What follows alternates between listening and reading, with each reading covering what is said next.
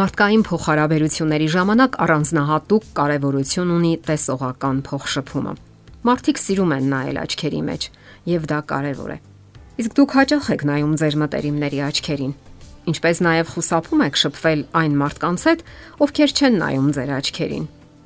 Զրույցների ժամանակ շատ կարևոր է տեսողական փոխշփումը, հատկապես երեխաների հետ հարաբերություններում։ Ինչ է կարդում այդ ժամանակ երեխան ձեր աչքերում ինչպիսի ուղերձներ է ստանում նա եւ ինչպես են անդրադառնալու դրանք նրա հետագա ողջ կյանքի ընթացքի վրա։ Հավատացեք, որ այդ ամենը խիստ կարևոր է եւ մի անտեսեք։ Իր աշխատություններում այս թեմային է անդրադառնում մանկական հոգեբան եւ հոգեբույժ Ռոս Քեմբելը։ Ահա թե ինչ է գրում նա։ Երբ դուք առաջին անգամ մտածում եք տեսողական կոնտակտի մասին, կարող է թվալ, թե դա էական նշանակություն ունի ձեր երեխայի համար սակայն པարզ բնական բարյացակամ հայացքը ուղիղ երեխայի աչքերին նայելը էականորեն կարևոր է ոչ միայն լավ հաղորդակցման փոխհամագործակցության համար, այլ նաև նրա հուզական պահանջմունքները բավարարելու համար։ Թեպետ մենք չենք էլ գիտակցում դա, սակայն օգտագործում ենք տեսողական կոնտակտը որպես հիմնական միջոց մեր զգացմունքները փոխանցելու համար։ Հատկապես սիրո զգացմունքը եւ երեխաների հանդեպ սերը Ծնողների եւ այլ մարդկանց հետ շփվելու ժամանակ երեխան օգտագործում է տեսողական կոնտակտը որպես հուզական լիցքավորման միջոց։ Ինչքան հաճախ են ծնողները նայում երեխայի աչքերին, ձգտելով դրսևորել իրենց սերը։ Այնքան շատ է նա ներծծվում այդ սիրով եւ այնքան լիակատար է լինում նրա հուզական շտեմարանը։ Տեսողական կոնտակտ պարզապես նշանակում է, որ դուք նայում եք այլ մարդու աչքերին։ Մարդկանց մեծ մասը չի գիտակցում, թե ինչքան կարևոր եւ վճռական գործոն է դա։ Բոլորիս է ծանոթ այն զգացումը եւ իրավիճակը, երբ փորձում ենք խոսել մի մարդու հետ, ով համառորեն փորձում է փախցնել հայացքը։ Հեշտ է զրուցել այդպիսի մարդու հետ։ Կարծում եմ ոչ։ Դա մեծապես ազդում է այդ մարդու հետ մեր հարաբերությունների վրա։ Իսկ երբեմն մենք պարզապես խզում ենք մեր հարաբերությունները։ Ինչպիսի մարդիկ են մեզ դուր գալիս ընդհանրապես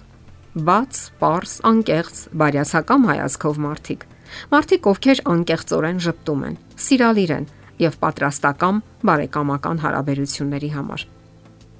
Ուսումնասիրությունները ողրզել են, որ երեխան առավել ուրախadir է լսում մեզ այն ժամանակ, երբ նայում ենք ուղիղ նրա աչքերի մեջ։ Ցավոք ծնողները, այսպես ասած, արտահայտիչ նայում են երեխայի աչքերին միայն այն ժամանակ, երբ քննադատում են, խրատում, հանդիմանում, հայհոյում եւ այլն։ Եվ դա ճակատագրական սխալ է։ Տեսողական կոնտակտն օգտագործելը արդյունավետ է հատկապես այն դեպքում, երբ երեխան շատ փոքր է։ Հարկավոր է հիշել այս կարևոր ճշմարտությունը։ Սիրալիր հայացքը երեխաների համար հուզական սնունդ ստանալու գլխավոր աղբյուրներից մեկն է։ Իսկ երբ ծնողները այս կարևոր գործոնը օգտագործում են առավելապես բացասական իմաստով, ապա երեխան պարզապես չի կարող բացասական երանգներով չտեսնել ծնողին։ Քանի դեռ երեխան փոքր է, վախը նրան հլու հնազանդ վիճակում է պահում եւ արտակնապես դալիովին բավարարում է ծնողներին։ Սակայն երեխայի մեծանալուն զուգընթաց այդ վիճակը փոխարինվում է բարկությամբ, վիրավորանքով եւ դեպրեսիայով, եւ վերջապես դա հղի է հարաբերությունների խզմամբ։ Առավել սարսափելի սովորություն է եւ պատժելու միջոց, երբ ծնողները միտումնավոր խուսափում են անմիջականորեն նայել երեխայի աչքերին Ցավոք, այդ օրինակ, այսպես ասած, պատժամիջոցը կիրառվում է նաև ամուսնական հարաբերությունների դեպքում։ Ամուսինները թաքնվում են իրենց այսպես կոչված քարանձավներում եւ խուսափում նայել միմյանց աչքերի մեջ։ Անհրաժեշտ է խոստովանել, որ համարյա բոլորն են դիմում այս միջոցին։ Սակայն շատ ավելի սարսափելի է, երբ ծնողներն են կիրառում այս եղանակը անպաշտպան երեխայի հանդեպ երբ ծնողները միտումնավոր եւ գիտակցաբար խուսափում են նայել երեխայի աչքերին, եւ դա առավել տանջալից է, քան ֆիզիկական պատիժը։ Դա ընկճում է նրան եւ ամայացնում։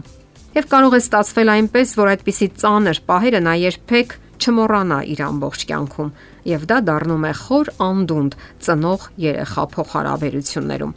Ամփոփենք, Այն թե ինչպես ենք դրսևորում մենք մեր սերը երեխայի հանդեպ, չպետք է կախված լինի մեր բավարարվածությունից կամ անբավարարվածությունից, թե ինչպիսին է նրա վարքագիծը։